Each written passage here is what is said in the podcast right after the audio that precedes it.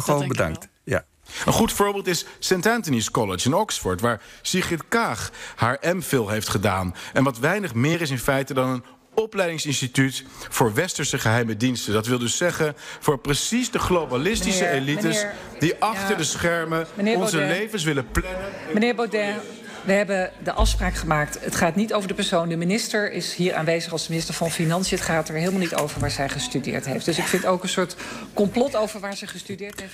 Ja, zo eh, sprak Thierry Baudet afgelopen dinsdag in de Tweede Kamer. U heeft het vast meegekregen. De suggestie was natuurlijk dat Kaag niet alleen aan een zogeheten spy college had gestudeerd, maar ook spion was geweest. Maar wat eh, is dat St. Anthony's College in Oxford eigenlijk? Is het daadwerkelijk een broeinest waar geheime diensten hun spionnen recruteren? En hoe komt het eerbiedwaardige instituut aan die reputatie? Ja, bij ons historicus en kenner van de Russische inlichtingendiensten Ben de Jong. Welkom Ben. We hoorden net de eerste zin van Baudet... waarop nog allerlei verdachtmakingen volgen over glo- globalistische samenzweerders en elites en dergelijke. Eh, toen je dit hoorde, eh, wat waren de eerste gedachten die bij je opkwamen? Nou ja, dat hij ergens eh, vaag iets heeft opgepikt en dat hij dat eh, mengt met allerlei andere halve waarheden. En dat het voornamelijk natuurlijk dient om iemand verdacht te maken, in dit geval Sigrid Kaag. Ja, dat, dat Anthony Coll- College als een pool voor geheime diensten om spionnen en medewerkers te werven. was het dat? Is het dat? En wat moeten we ons daarbij voorstellen?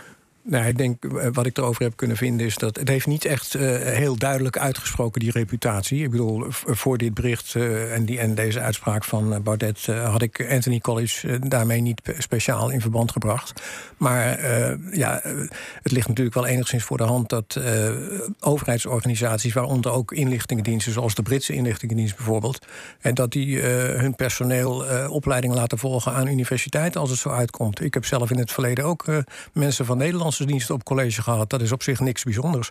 Dus eh, ja, dit, dit, zoiets dat wordt dan weer eh, ge- geweldig eh, opgeblazen. Een ander punt.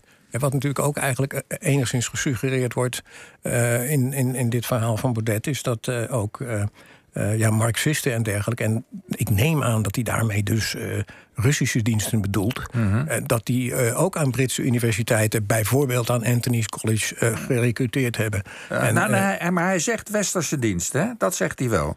Als je het, als je het hele fragment hoort. En ik heb eens op Wi- Wikipedia gekeken en daar staat ook dat St. Anthony's College bekend stond om westerse, op MI5 dus, of MI6, ja. dat, dat die daar recruteerden. Nou ja, dat, dat, eh, dat, dat eh, zou heel goed kunnen. Dat is niet eh, denkbeeldig. Hè. Ze doen daar bijvoorbeeld heel veel aan regio-studies. Hè, Dus bijvoorbeeld eh, ook aan eh, Rusland-studies. het- Rusland, Ja. het Oostblok tijdens China. de Koude Oorlog. Dus specialisten op dat gebied, eh, die willen dat soort diensten natuurlijk graag als personeel hebben. Dat is niks bijzonders. En, en- en Buitenlandse Zaken wil dat ook. Ja, dus, dus eigenlijk, eh, naar mijn gevoel is hier eigenlijk niets aan de hand. Maar het wordt geweldig opgeblazen. En eh, spionnen, dan eh, schrikken mensen. En dan, dan wordt dan in verband, verband gebracht met een Nederlandse politicus om deze Het, persoon. het klinkt natuurlijk allemaal erg lekker. En, en, en, en, het is, en het is waarschijnlijk voor een deel ook waar dat daar mensen worden gerecruiteerd. Dan is de volgende vraag natuurlijk. Ook voor de Sovjet-Unie destijds en voor Rusland nu misschien. eh, dat, dat lijkt me wat verder te gaan. Dat spioneerde voor de Sovjet-Unie als er sprake van was. Wanneer zou dat dan zijn begonnen? Waar hebben we het dan over? Nou, er is eigenlijk eh, met name één universiteit of één universiteitsstad in, eh, in het Verenigd Koninkrijk die bekend staat als een broeinest van Sovjet-agenten, dus spionnen, die in de jaren 30 zijn gerecruiteerd. En dat is Cambridge. En je hebt de hele beroemde casus waar wel, nou ja, toch wel een zekere eh, kleine bibliotheek over is volgeschreven van de Cambridge Five.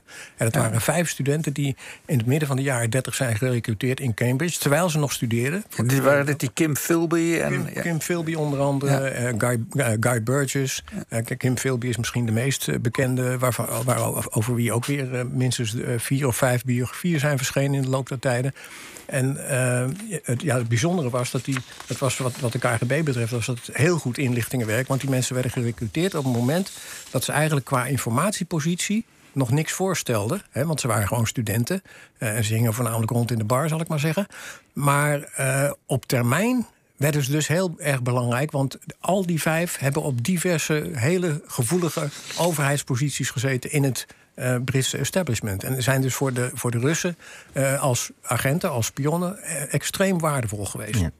Dat zijn dus succesvolle spionnen geweest, beroemd geworden en daarom weten we het. Wat natuurlijk helemaal niet uitsluit dat er ook elders, bijvoorbeeld in Oxford geworden is, wat we niet weten en dus ook niet zeker van zijn. Nu heb ik wel begrepen dat in 2017 eh, documenten in, in uh, Rusland vrij zijn gekomen uit de Sovjet-tijd, waar het blijkt dat er ook wel degelijk in Oxford uh, pogingen zijn gedaan door de KGB om te recruiteren. Kun je daar wat over vertellen?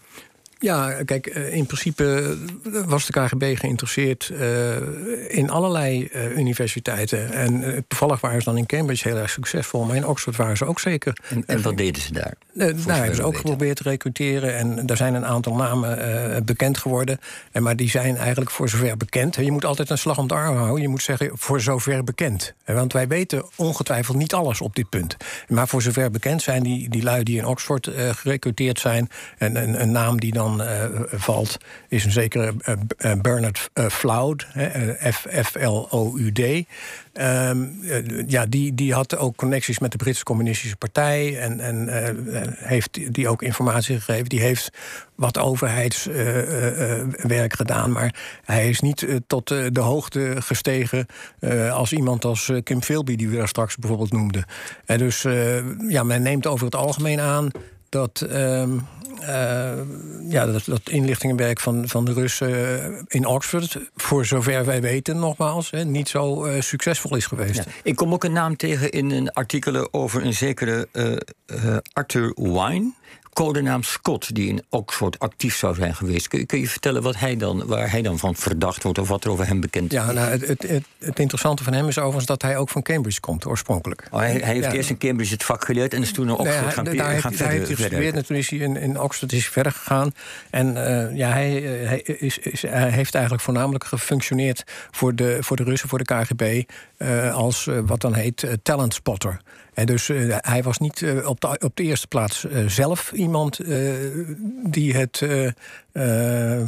die de informatie verschafte, maar hij wees de KGB op mensen die hele zinvolle en nuttige doelen van recrutering waren. En dat, dat, is in wezen bij elk spionagenetwerk is dat een hele belangrijke functie. Dat, dat vergeten we vaak. Hè? Die talentspotter, die dus de juiste mensen uitzoekt en zeg maar tegen de Russen zegt: kijk, ik ken die en die, en die heeft de juiste uh, ideologische sympathie voor de Sovjetzaak, voor het, voor het communisme. En die zou je eventueel kunnen benaderen. Dan heb je een grote kans op een succesvolle recrutering. Zo iemand was deze man. Hij was dus een, een, een talentspotter. Uh, ja. En ik, ik meen zelfs dat hij ook een lijstje had bijgehouden met, met namen van potentiële kandidaten. Ja, dat, uh, ik, ik mag hopen als hij zijn werk goed deed, dat hij dat niet echt heeft opgeschreven. Maar misschien heeft, want dat is natuurlijk uit veiligheidsoverwegingen niet zo handig. Hè. Die, die lijst met namen moet je vooral in je hoofd hebben.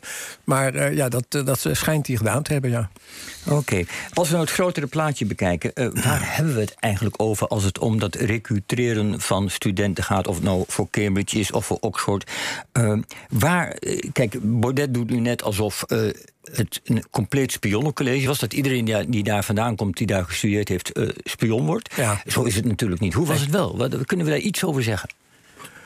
Uh, nou ja, kijk, eh, het is, het is heel goed mogelijk dat uh, zeg maar, zowel de Britse overheid, dus ook de Britse inlichtingendienst, daar mensen vandaan haalde hè, om, om bij hun in vaste dienst te komen werken.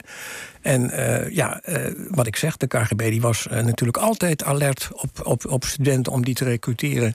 juist ook omdat ze wisten dat de Britse overheid daar zelf ook zijn mensen vandaan haalde. Ja, maar goed, dus, dat gebeurde in Nederland misschien ook wel aan de universiteit. Ja, nee, maar, ja, maar goed, even, ik, waar ik van benieuwd ben, is, waarschijnlijk kun je daar geen antwoord op geven. We gaan het om 1 op de 100 studenten of 10 op de 100? Dat weten we waarschijnlijk gewoon nee, niet. Daar, je, je, kunt in, in, in ja. uh, met zo'n soort precisie kun je er niet over praten. Nee. Dat is, kijk, we, we, weten om te beginnen sowieso niet alles.